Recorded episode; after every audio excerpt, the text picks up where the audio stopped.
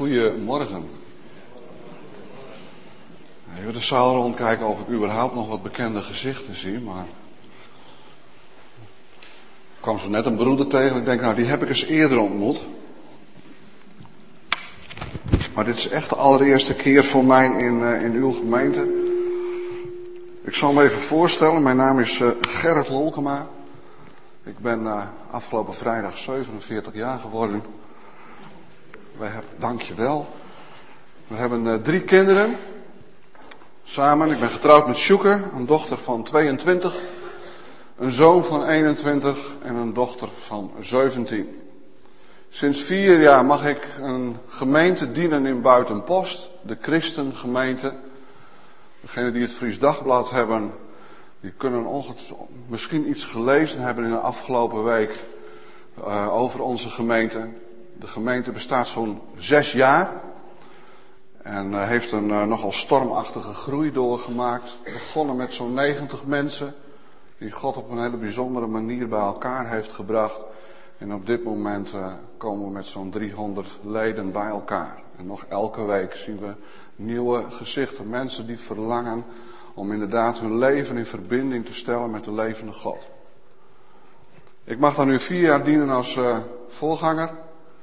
Daarvoor uh, heb ik jaren gewerkt in de kinder- en jeugdpsychiatrie. Ik zeg al, de kinderen worden pas interessant op het moment dat ze in de puberteit komen. En vooral als ze wat ingewikkeld gaan doen. Dan vind ik ze erg leuk. En na mijn theologiestudie ben ik gaan werken op camping de Sikkenberg in Onstwedde. Waar ik als jeugd- en jongerenwerker zo bijna zeven jaar uh, hem heb mogen dienen. En toen riep God ons op een hele bijzondere manier, ik zal jullie dat verhaal besparen, richting Buitenpost. En daar mag ik een gemeente dienen waarin mensen komen, zeg ik wel eens, met een achtergrond van vrolijk Pinkster tot zwaar reformatorisch. En dat kan heel goed samen. Als je je maar richt op dat wat ons fundament is, en dat is de Heer Jezus Christus. En dan is het bijzonder inderdaad om te zien dat God gewoon elke keer nieuwe mensen toevoegt en ook werkelijk haalt vanuit het duister en stelt in het licht. Nou, als jullie meer van mij willen weten, ik ben hier ongetwijfeld na de dienst nog wel even, of het moet me heel slecht bevallen zijn, dan stap ik heel snel in de auto en dan denk ik zo snel mogelijk richting buitenpost. Maar ik denk dat het wel een beetje mee zal vallen. Ik ben de tijd nog wel even voor jullie beschikbaar. Ik wil graag met jullie het woord van God open doen. En ik had eigenlijk eerst een beetje een probleem, lieve zus. Want er wordt zo mooi aangekondigd dat jullie een nieuw thema hebben, gehoorzaamheid. En het werd heel duidelijk gezegd, gaan dat vallen opstaan, dat hebben we afgesloten. Ik had me echt even verdiept in de gemeente. Ik denk, wie zijn dat nou, die open thuisgemeente? Ik kwam iets op de website tegen. Ik denk, wat een prachtig thema. Nog even contact met Willem gehad. En ik wou eigenlijk vandaag het hebben over vallen en opstaan. Maar ja, als het niet mag, dan. Uh, het mag wel, hè? Dit is voor december. Dus nou, misschien komt er ook wel iets over gehoorzaamheid in naar voren. We gaan het woord van God open doen. Ik wil twee delen uit de Bijbel met jullie lezen. Allereerst een aantal versen uit Joshua 7. Joshua 7, vers 5b tot en met 9. En daarna Romeinen 8, vers 26 en 27. Vers 5b tot en met vers 9 uit Jozua 7. En daarna Romeinen 8, vers 26 en 27. Ik lees in Jozua 7 en ik lees altijd uit de nieuwe Bijbelvertaling. Vanaf vers 5b het volgende. Toen sloeg de angst het volk om het hart en het werd radeloos. Jozua en de oudsten van Israël scheurden hun kleren, wierpen zich voor de ark van de Heer ter aarde en gooiden stof over hun hoofd. Zo bleven ze tot de avond liggen. En Jozua riep uit, nee Heer, nee mijn God. Waarom hebt u dit volk eigenlijk de Jordaan laten overtrekken?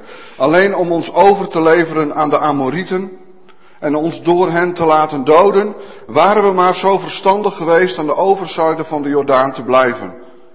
Ach Heer, wat kan ik anders zeggen nu Israël voor zijn vijanden op de vlucht geslagen is?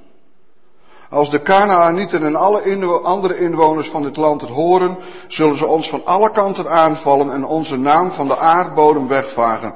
En hoe wilt u dan uw grote naam in stand houden? Tot zover. En dan Romeinen 8. Romeinen 8, vers 26 en 27. Daar staat, de geest helpt ons in onze zwakheid. Wij weten immers niet wat we in ons gebed tegen God moeten zeggen. Maar de geest zelf pleit voor ons met woordeloos zuchten.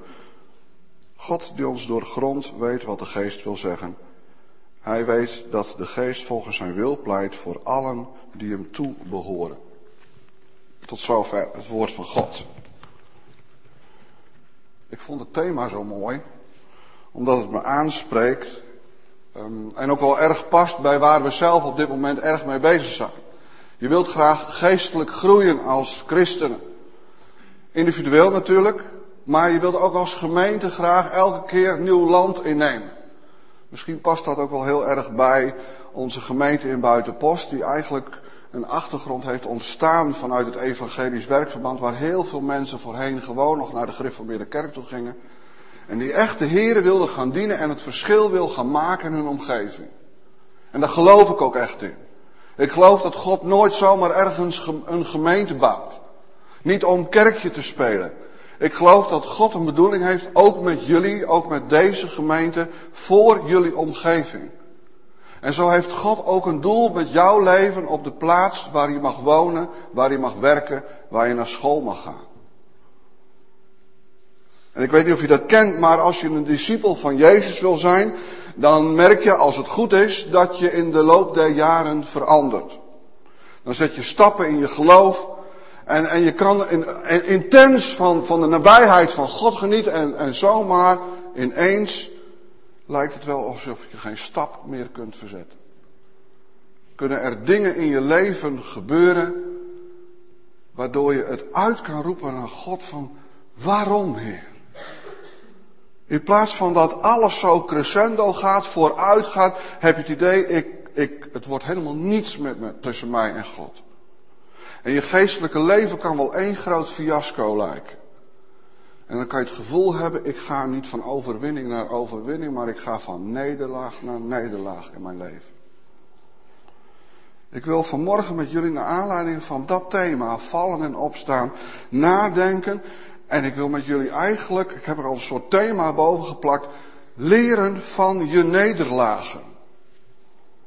Christenen horen geestelijk te groeien. En helaas kom ik nog wel eens wat kinderen van God tegen. Dat als ik ze drie of vier jaar ken, dan denk ik, wat is er nou werkelijk veranderd in jouw leven? Sinds dat ik je leerde kennen.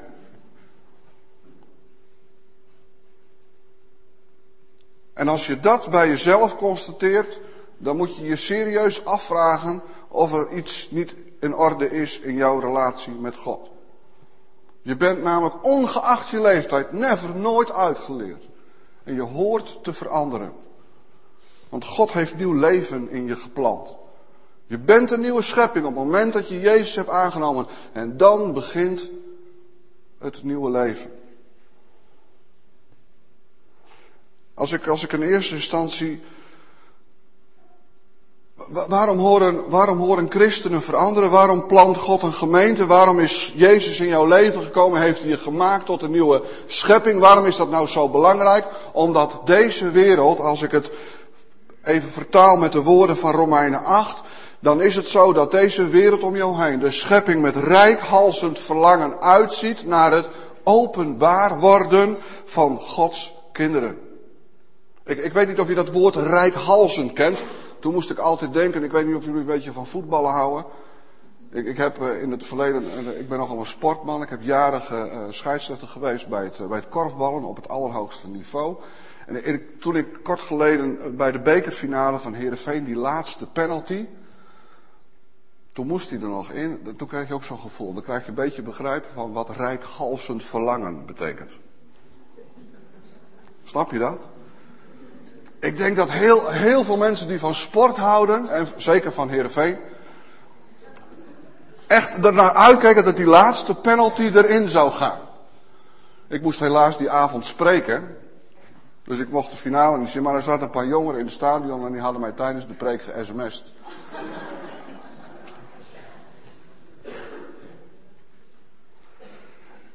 Ik geloof dat Gods schepping, deze wereld, als het ware met datzelfde verlangen uitkijkt naar het openbaar worden, het zichtbaar worden van jou als kind van God. Waarom? Omdat in de wereld waarin wij leven, waarin jij en ik leven, Gods orde, Gods normen, Gods principes niet meer geldig zijn. En daardoor gaat die wereld die God voor ogen had, eigenlijk steeds verder achteruit. En als ik met oudere broeders en zusters spreek, dan zien die dat al in hun hele leven gebeuren. Die zien wat er gebeurt in deze maatschappij. Dingen die, die zeg maar 30, 40 jaar geleden nog ondenkbaar waren, zijn vandaag de dag de normaalste zaak van de wereld. En het heeft invloed op alle facetten van ons leven. En daarom bouwt God zijn gemeente. Daarom haalt hij mensen vanuit de duisternis en stelt hij ze in het licht. Maakt hij ze nieuw, herstelt hij ze, omdat ze dan iets van dat goddelijke zichtbaar kunnen maken in de wereld waarin ze leven. En in dat proces wil het boek Joshua je helpen. Ook bij het geestelijk groeien, want dat is ook een proces van vallen en opstaan. En in het boek Joshua staan principes die je willen helpen om geestelijk groter te worden. En het Nieuwe Testament bouwt vervolgens ook door op de waarheden van het Oude Testament. En als je wil leren van je overwinningen, maar ook zeker van de nederlagen die je ongetwijfeld leidt in je leven, dan wil het totale woord van God je daarbij ook helpen. En daarom toch ben ik een liefhebber van het Oude Testament. Wij als Nieuw-Testamentische christenen hebben nog wel eens de neiging om die boeken uit het Oude Testament een beetje af te doen van, ach, dat is een stukje geschiedenis. We, geloven wel dat het het woord van God is, natuurlijk, dat totale woord, maar toch, we lezen het vaak heel oppervlakkig, terwijl daar geweldige principes in staan. En daar wil ik vanmorgen met jullie naar kijken. Als eerste die vers 5b en, en vers 6. Waarin je ziet dat het angst Jozua en het volk en de oudsten om het hart sloeg en vervolgens zich op de, voor de ark van de Heer op de grond laten vallen. En waar ze bleven liggen tot de avond. Dat is eigenlijk een heel groot contrast, deze versen. Want als je even weet wat er van tevoren gebeurd is, de context, moet je je voorstellen, Jozua, de opvolger van Mozes, heeft een geweldige opdracht gekregen van God. En God had tegen hem gezegd, zoals ik Mozes heb bijgestaan, Joshua, zo zal ik jou bijstaan. En ik ga je een opdracht geven, jij mag het volk gaan leiden het beloofde land in. Jij mag ze helpen om het nieuwe land wat ik voor ogen heb, om dat in te gaan nemen. En, en Joshua, was trouw aan God en, en, en, en wachtte tot God hem een bijzondere opdracht gaf. Maar bij die eerste stad kwamen ze aan. En hij was naar de priester gegaan. En hij had geluisterd wat, wat, wat God vertelde wat hij moest doen. En God had gezegd, ga om de stad heen lopen. De ark voorop. Eén dag, twee dagen, zeven dagen lang. En die zevende dag breek je uit in gejubel en gejuich. En de muren storten neer. Dat was Jericho. En, en nou komen we bij Ai. Het ging geweldig in Jozua zijn leven. Als je het toepast op je geestelijke groeien, dan was hij eigenlijk de big man.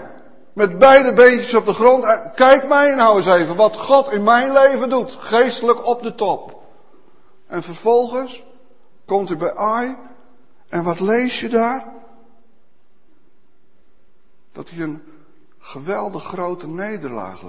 Moet je je voorstellen, Ai, een hele oude stad. Voorheen in de tijd van Abraham werd die stad al genoemd. En, en als je de Hebreeuwse geschriften zou nalezen, dan ontdek je dat het vroeger een grote stad geweest is. Maar in de tijd van Joshua was die grote stad voor een heel groot gedeelte verlaten. Er wonen niet zoveel mensen meer.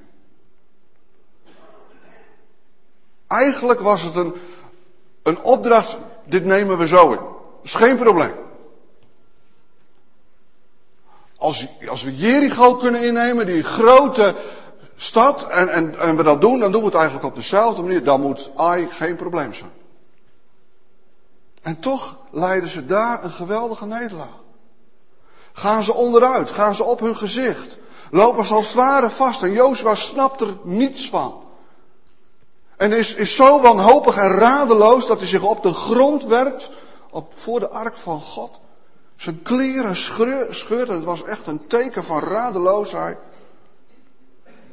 Zo kan het nou, Heer? Eerst vielen die muren toen we uitbraken in gejubel en nu bij Ai. En dan zie je in vers 7 hoe Jozua spreekt. Zo spreken mensen wel eens in hun wanhoop. Nee, Heer, nee, mijn God. Waarom heeft u eigenlijk dit volk door Jordaan laten overtrekken?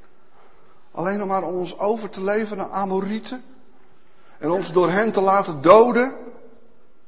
Waren we maar zo verstandig geweest om aan de overzijde van de Jordaan te blijven? Ach, heren, wat kan ik anders zeggen nu Israël voor zijn vijanden op de vlucht geslagen is?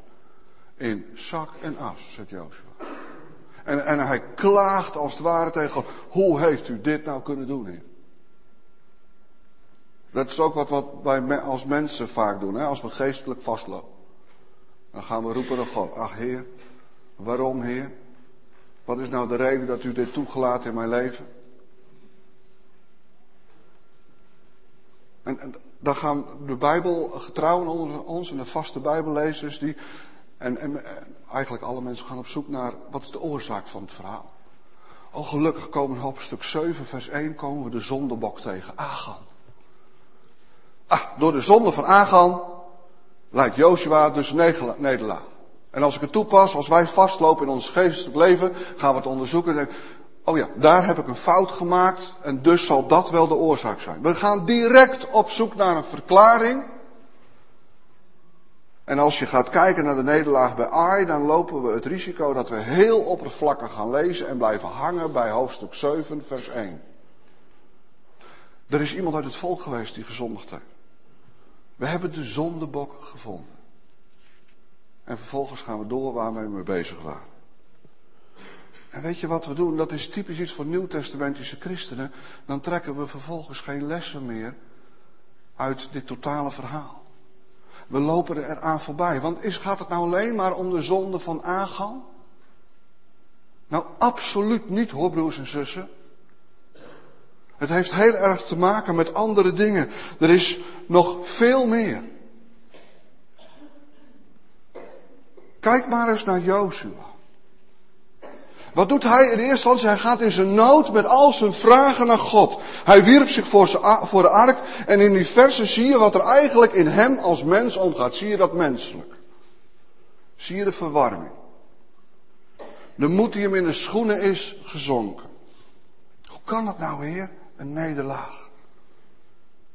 En, en als je ziet wat Jozef had gedaan, had hij het net zoals gedaan als bij Jericho. Hij had verspieders gestuurd. Dat kunstje, dat kende hij ook uit zijn eigen leven. Want hij was tenslotte ook een van de verspieders geweest. Dus God zou het waarschijnlijk wel zo bedoeld hebben. En die verspieders kwamen terug en zeiden, Joshua, is geen probleem. Klein stadje, weinig mensen, redden we wel. En dan zie je wat een nederlaag gaat doen met mensen. Waarom, Heer? Heeft u me soms verlaten? Bent u een God met een soort dubbele agenda? Ik wil toch trouw zijn aan uw belofte? Ik, ik wil u toch dienen, dat weet u toch? Ik doe dit niet voor niks. Ik zet niet voor, voor niks stappen in mijn geloof. En u heeft toch gezegd, heren, van u, ik zal bij je zijn zoals ik met Mozes bij je was. En toen u me haalde, Heer Jezus, uit de duisternis en me, me de belofte liet zien dat u me een hoopvolle toekomst voor me had, hoe kan het dan nu? Wij hebben drie kinderen. Onze oudste dochter is een heel onzeker meisje. Meisje, vrouw. Zwaar dyslectisch. Had altijd veel moeite om de genade en de belofte van God aan te nemen. Toch gaf ze op haar jonge leeftijd haar leven aan de Heer. En vorige week heeft ze stappen gezet, de eerste stappen in haar geloof. In de zin dat ze uitstapte en is ze naar Liberia geweest met een medisch team. Omdat God haar gave heeft gegeven om om te gaan met verstandelijk gehandicapten, met kinderen. En God heeft haar op een wel, geweldige manier gebruikt. Heel vaak heeft ze momenten gehad dat ze het uitriep naar God. Heer, hoe kan het nou? En dan praten we ook wel eens over. Want ze heeft een broer die geweldig goed kan leren. En die het als het ware de hele, zijn hele leven al voor de wind gaat. Behalve dat hij nog steeds geen vriendin heeft. Dan zeg ik, nou, dat is de desperate single. Soms spiegel je aan anderen, terwijl zij zich moet spiegelen aan God. En dat is een leerproces. Je moet je niet spiegelen aan anderen, aan de voorspoed en de welvaart en hoe het allemaal gaat met anderen. Dat brengt ons soms op tot een houding van waarom Heer en bent u alleen maar met die ander? Moet ik het vervolgens alleen redden? Dat kan je bijna een soort Joshua houding geven van het eerste deel van zijn roepen naar God, helemaal in de war. Ook als jij stappen zet in je geloof. Het kan betekenen dat je God niet begrijpt. En dat kan ik me voorstellen. Dat je twijfelt aan de belofte die je ooit hebt gekregen. En dat kunnen ook momenten zijn dat je het idee hebt, ik geef het maar op, ik laat het maar los. Ik heb keuzes gemaakt, ik heb, ik heb, ik heb gezegd en beleden dat ik Jezus wil volgen en ik heb me laten dopen. En toch, dat enthousiasme verdwijnt omdat er dan moeilijkheden in je leven komen. Besef je dat geestelijk groeien ook geestelijk strijden is vallen en opstaan, groeien naar het beeld van Christus, stappen zetten in je geloof, land innemen, geestelijk, individueel of als gemeente, betekent dat je ook geestelijk moet strijden. En je hebt niet te strijden tegen vlees en bloed. Je hebt te strijden tegen de overheden, tegen de machten, tegen de wereldbeheersers vanuit het rijk van de duisternis. Dat is voor ons niet altijd zo reëel, maar we onderschatten dat ook. Je moet dus weten wat er boven onze hoofden zich aan strijd afspeelt. En ik weet dat Jezus volgen, God dienen met tegenslagen en tegenstand gepaard gaat. Dat ken ik uit mijn eigen leven. En als je ermee geconfronteerd wordt met tegenslagen, dan kan het diepe wonden slaan. Dan kan het pijn doen. En ineens, als ik dat soort dingen heel persoonlijk meemaak, gaan ook vaak veel meer die woorden uit Efeze, dat ik niet te strijden heb tegen geest en bloed, leven. Want de duisternis laat zich vaak zien in het zichtbare. Door mensen die het je moeilijk maken. Maar heel vaak, als het allemaal een beetje voor de wind gaat, dan beseffen we ons onvoldoende wat die invloed van de duisternis in ons dagelijks leven is. En waar het om gaat is dat je je eigenlijk voortdurend afhankelijk moet weten en moet leren om afhankelijk te zijn van God. Ik heb afgelopen dinsdag een mevrouw van 66 uit ons dorp mogen begraven. Een mevrouw die de laatste drie, vier jaar niet meer de deur uitkwam. Gevangen zat door angst, door wat ze in haar leven had meegemaakt. Zoekend naar de vrede van God, was ze geketend door ervaringen vanuit haar jonge jeugd. En we hebben haar mogen vertellen over de liefde van de Heer Jezus. En we hebben haar mogen vertellen welke machten er, er eigenlijk achter haar angst actief waren. En die probeerden ook vat op haar leven te houden. En haar gevangen te houden. En pas toen zij vier maanden geleden haar leven overgaf aan Jezus en dat kostte haar een gebed. Dat kostte haar strijd en bitterheid. Toen maakte angst plaats voor vrede. Vanmorgen hoor ik verschillende dingen in de voordienst over licht en duisternis. Besef je dat die machten vanuit de duisternis voortdurend actief zijn en invloed willen krijgen op de wereld waarin jij leeft en ook op jouw leven. En dat die machten soms ook bepalen hoe jij vervolgens kijkt en het uitroept naar God. Maar kijk eens hoe het ook anders kan. Kijk eens naar het tweede deel van het roepen van Jozua, vers 9. Als de Canaanieten en alle inwoners van het land het horen, zullen ons van alle kanten aanvallen en onze naam van de aardbodem weggeven. Hoe wilt u dan uw grote naam in stand houden? Ineens lijkt de toon te veranderen. Eerst was Jozua op zichzelf gericht en nu, het gaat om uw naam, Heer. Het gaat om uw eer. Het gaat om uw macht en om uw majesteit. En het lijkt wel alsof Jozua hier op eenzelfde manier smeekt zoals Mozes een voorganger. En ook daar kan je lessen uithalen. In jouw geestelijk groeien, in jouw vallen en opstaan, gaat het niet om jou. Het gaat om God. Het gaat om Gods eer. Het gaat om het nieuwe leven wat, wat Jezus in jouw leven heeft geplant, wat zichtbaar mag gaan worden. Omdat de wereld waarin je leeft daar naar uitkijkt en het nodig heeft. Jij bent nodig voor deze wereld. En nou heel praktisch. Natuurlijk, de zonde van Agan is een belangrijke oorzaak van die nederlaag die Israël leed. Dat laat het vervolg van de tekst in Jozua ook echt zien. Maar dat laat ik even liggen. Want ik ga een aantal andere dingen eruit halen die me opvielen in dit gedeelte. Wat gebeurde er bij Jericho? Jozua kreeg een opdracht van God. Die opdracht, God bepaalde de strategie. Jozua hield rekening met het woord van God, dus het derde. En de ark was erbij. Daardoor was hun afhankelijkheid aan God steeds zichtbaar. En God was in het middelpunt van de strijd tegen Jericho. Wat gebeurde er bij Ai? Joshua stuurde verspieders. Hij had het God niet gevraagd en hij bepaalde de strategie. Dat is de zonde van gericht zijn op jezelf. En Joshua luisterde naar de verspieders. Die hadden gezegd, Joshua, geen probleem. We hebben een overmacht. Dat is de zonde van overmoed.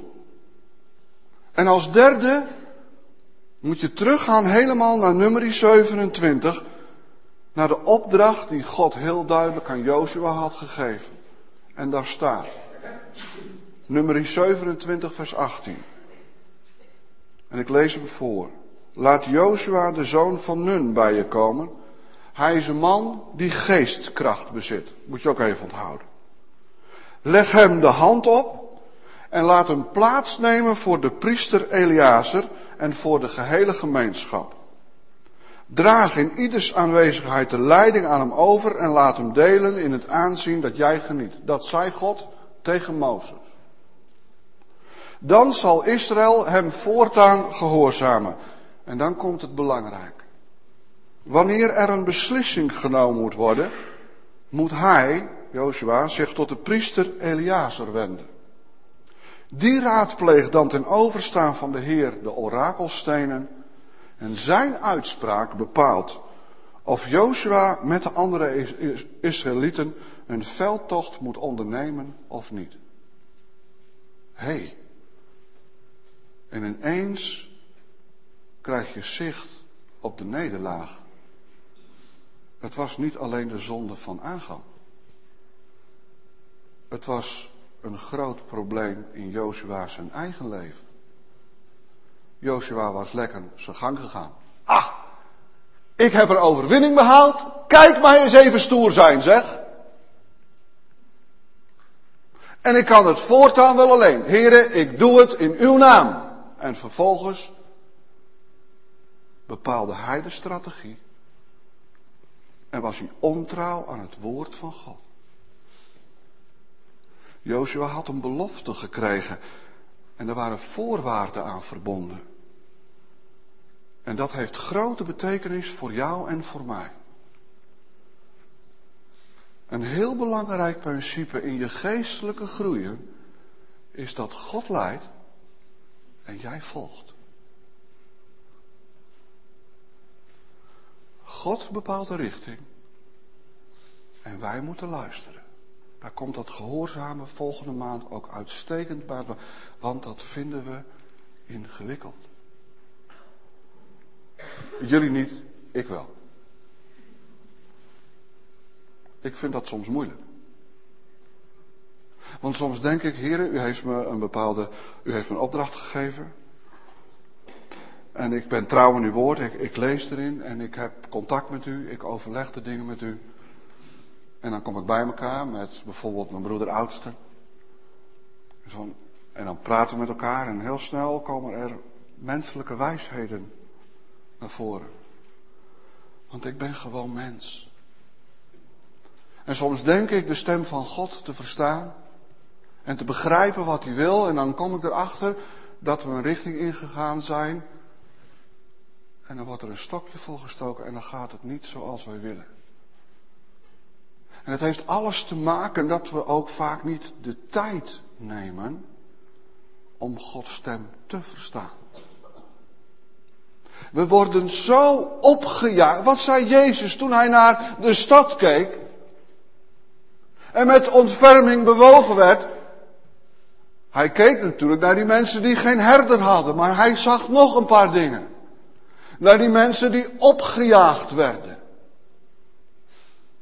Deze wereld jaagt ons als kinderen van God voortdurend op. We moeten mee in het tempo van de wereld waarin de macht van de duisternis grote invloed heeft.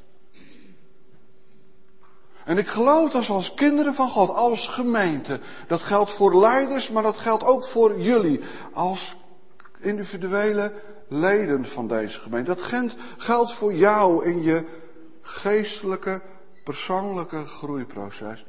Is dat je tijd moet nemen om naar Gods stem te luisteren. En dat betekent stille tijd, Gods woord lezen. En, en dat is niet vijf minuten s morgens op je knieën van Heer, ik heb een tekst gelezen uit het Oude Testament. En uh, alleen maar de vraag stellen, is dit een opdracht voor mij?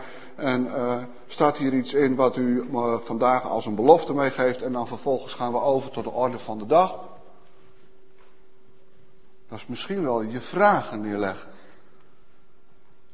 En gewoon de tijd nemen. Heren, ik heb een gedachte. Ik wil hem bij u eer neerleggen. En ik wil van u een antwoord. Verwacht ook dat God antwoorden geeft. In jouw persoonlijke om. Hoe is je relatie met God? Denk daar eens over na. Heb jij zo'n relatie, heb jij zo'n beeld naar God dat hij ook antwoorden geeft? Wat verwacht je s'morgens als je hier naar de kerk komt? Ik, zal je een voorbeeld nemen, een verhaaltje. Er was een voorganger in een, in een gemeente in Amerika en in, die, in, een klein dorpje en daar was men ontzettend afhankelijk van de opbrengst vanuit het, uh, de landbouw. Grote droogte. En de voorganger had gezegd, laten we hem even Willem noemen. We gaan komende donderdag bidden dat God regen gaat sturen. En zoals een gemeente trouw is en luistert naar zijn voorganger, kwamen ze in grote getalen die donderdag bij elkaar. En er was één meisje van tien jaar die had een paraplu meegenomen. Met welke verwachting lees je de Bijbel? Ga je naar Gods huis? Ze zei zo straks, we zijn hier om God vanmorgen te ontmoeten. Ga jij hier vanmorgen heen in de verwachting dat God vanmorgen iets tot je gaat zeggen?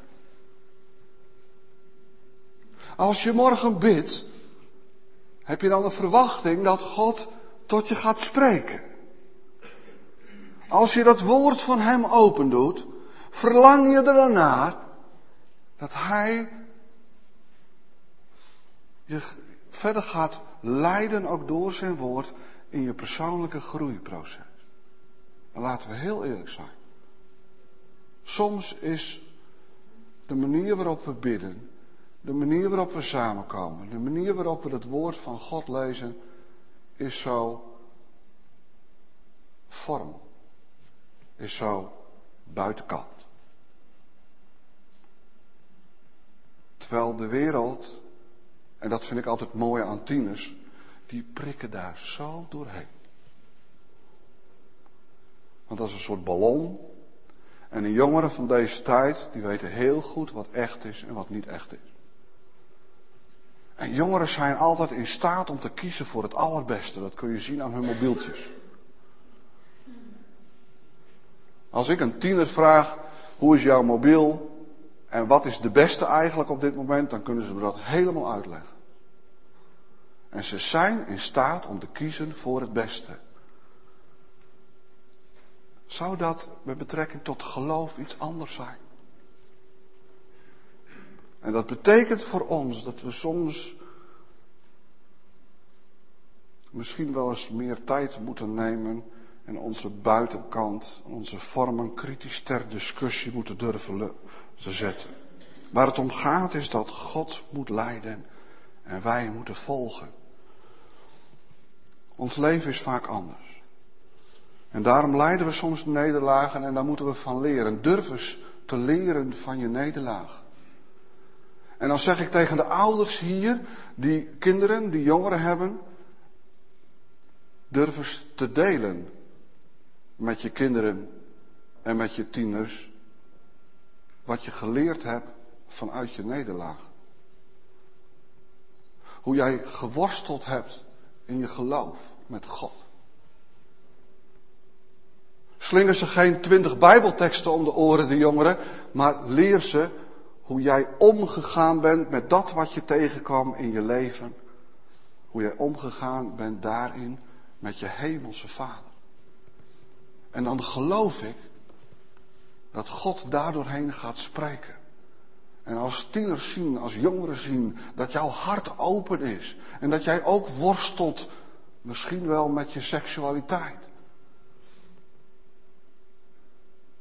Dan zien ze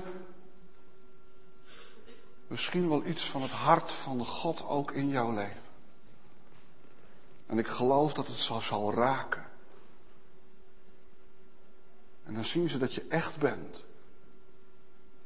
En dat het niet alleen maar glorie, halleluja gaat en crescendo omdat je toevallig een kind van God bent.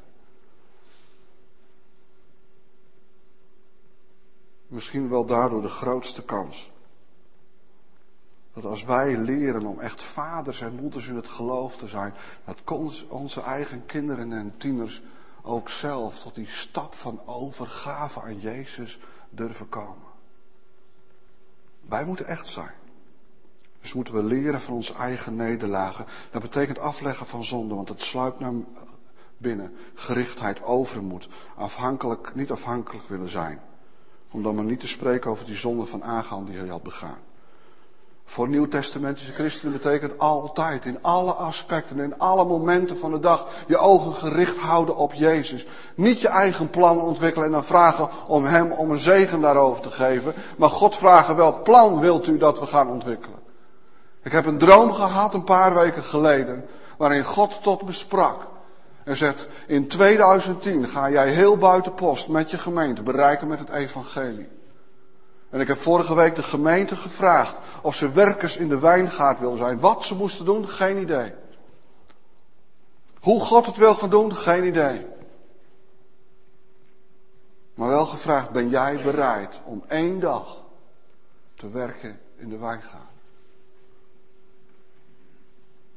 Gelukkig gingen er meer dan 100 mensen staan en wijden zich die dag toe. 12 juni 2010, en bid maar met ons mee, wordt heel buitenpost bereikt met het evangelie van Jezus Christus. Hoe? Ik weet het niet. Leer van het tweede deel van het gebed van Joshua. Hij wist amper hoe hij God moest aanroepen. En dan, dan brengt het me bij Romeinen 7. Want wat ken je ook van Joshua? Ik heb het zo straks gezegd bij Joshua toen die, die oproep. Joshua was een man waarover je in Numeri kon lezen dat hij vol was van geestkracht. En het Hebreeuwse woord wat daar gebruikt wordt, wijst op de Heilige Geest. Joshua had bijzondere gaven van God gekregen. Je kunt over hem lezen dat hij uitzonderlijke wijsheid, vakmanschap en inzicht had gekregen van God. En dat hij vervuld was, zegt Deuteronomium, met de geest van wijsheid. Wauw! En dan kom ik op Romeinen 8, vers 26. De geest, diezelfde geest, wil jou helpen in je zwakheid. We weten immers niet wat we in ons gebed tot God moeten zeggen. Maar de geest zelf pleit voor ons met woordeloos zuchten. Ik geloof dat Gods geest op dit moment voor me pleit met woordeloos zuchten. En dat hij me gedachten te binnen brengt om hier vanmorgen iets tot jullie te zeggen. Ik geloof dat ik hier niet hoef te staan in eigen kracht. Ik weet dat ik hier, niet, dat ik hier sta niet in eigen kracht. Als ik zie hoe God mijn leven inderdaad vanuit de duisternis gebracht heeft in het licht. Misschien kunnen jullie het niet voorstellen, ik ben altijd gespannen voor een, voor een samenkomst waar ik heen ga. Maar ik was vroeger, toen ik een tiener was, als ik moest spreken voor, al was het maar in de klas, voor vier of vijf leeftijdsroden, kreeg ik zo'n boei. Bang, onzeker. En nu, ik vind het altijd spannend hoor. Ik heb geen idee wie jullie zijn en, en het is makkelijker soms op je eigen gemeente, dan weet je ongeveer wat de toon moet zijn. En toch, ik vertrouw op mijn hemelse Vader die me een geweldige opdracht heeft gegeven. Om mensen op te roepen om hun leven in verbinding te brengen met de levende God. Omdat alleen bij God er zekerheid is. Diezelfde geest heb jij ook ontvangen toen je je leven gaf aan Jezus. En als je je leven nog niet hebt gegeven aan Jezus, dan mag dit misschien wel een geweldige ja, impuls zijn. Je krijgt de geest van God om je bij te staan in alle facetten van je leven. Je hoeft het niet alleen te doen. Je hoeft niet alleen geestelijk te groeien. Je hoeft niet alleen op te staan nadat je gevallen bent. De geest van God pleit voor je en wil je daarbij helpen. Net als hij deed bij Joshua. En God wil je laten leren van je nederlagen. En hij wil je zicht geven op eventueel eigen belemmeringen en tekortkomen. Besef je dat God je heeft gebracht in het beloofde land. Nu al. Jouw eeuwigheid is al begonnen op het moment dat je Jezus hebt aangenomen. En als het even helemaal niet gaat, niet bij de pakken neerzitten, broers, zussen. Volhouden. Niet opgeven. Trouw blijven is je eerste opdracht. Ik vond een prachtige uitspraak. De ark of de slak bereikte de ark door volharding. De slak bereikte de ark door. Wees een slak. Neem dat maar mee. Wees een slak. Die volhardt in zijn geestelijk groeien. Als je een kind bent van God, dan mag je weten dat dit Bijbelgedeelte je overwinningen toont, maar dat in het verleden behaalde successen geen enkele garantie geven voor de toekomst. Zie bij Jozua, zie naar Israël, er stond God niet meer centraal. Dat kan soms ook in ons leven gaan gebeuren. En ik weet dat er mensen zijn die soms dingen tegen kunnen komen, dat je het idee hebt, ik weet niet meer hoe het verder moet. En dat je dezelfde onmacht kan ervaren als Joshua. Ik, ik ken dat ook. Maar er is ook iets anders. Ik, ik zal je nog één voorbeeld, ik moet even naar de tijd, oeh, naar de tijd kijken. Onze jongste dochter 17 kwam afgelopen zomer thuis. Is een oprecht kind van God. Met zeven of acht grote blauwe plekken op haar benen. En maandags, dat was op zaterdagavond, was ze bij de huisarts. En woensdag zaten we bij de oncoloog internist. En werd uitgesproken binnen drie dagen, we vermoeden dat je leukemie hebt. En ik heb s'avonds door de tuin gelopen en ik heb het uitgeroepen naar God. Niet van waarom, maar wel van Heere God, ik snap het niet. Ik begrijp het niet. En ik kende de wanhoop en ik had het idee van, is dit nou iets waarin ik vastloop? Zij sprak de zondags erop. Ze had gezegd, papa, ik wil graag iets tegen de gemeente zeggen. En ik wil een lied zingen. Ze speelt cello en ze heeft een lieve vriendin, een goede hartsvriendin die heel graag zingt, ook in een van onze zangteams zit. En ze zongen samen het lied, Heer, u bent altijd bij mij. Dat had meer impact dan mijn preek. Ik kende de wanhoop en op hetzelfde moment was er het diepe vertrouwen dat God ook in die situatie mij zou leiden, haar zou leiden. Volgden allerlei onderzoeken, het heeft ruim drie maanden geduurd van beenmergpuncties, dat soort dingen. Er is vastgesteld dat ze geen leukemie heeft. Twee weken geleden hebben we gehoord wat het is. Er schijnt een of andere auto-immuunziekte te hebben. Bij jullie allemaal leven de bloedplaatjes acht dagen die aangemaakt worden en bij haar vijf. Daardoor heeft ze van nature een heel laag niveau van bloedplaatjes, stolt het bloed wat minder snel. En eigenlijk is er niks aan de hand. Maar je wordt wel even bepaald soms bij je wanhoop.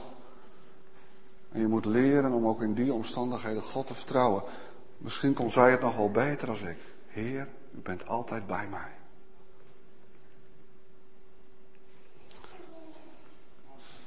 Wat God wil met vallen en opstaan, is het zoonschap in jouw leven gaan voltooien.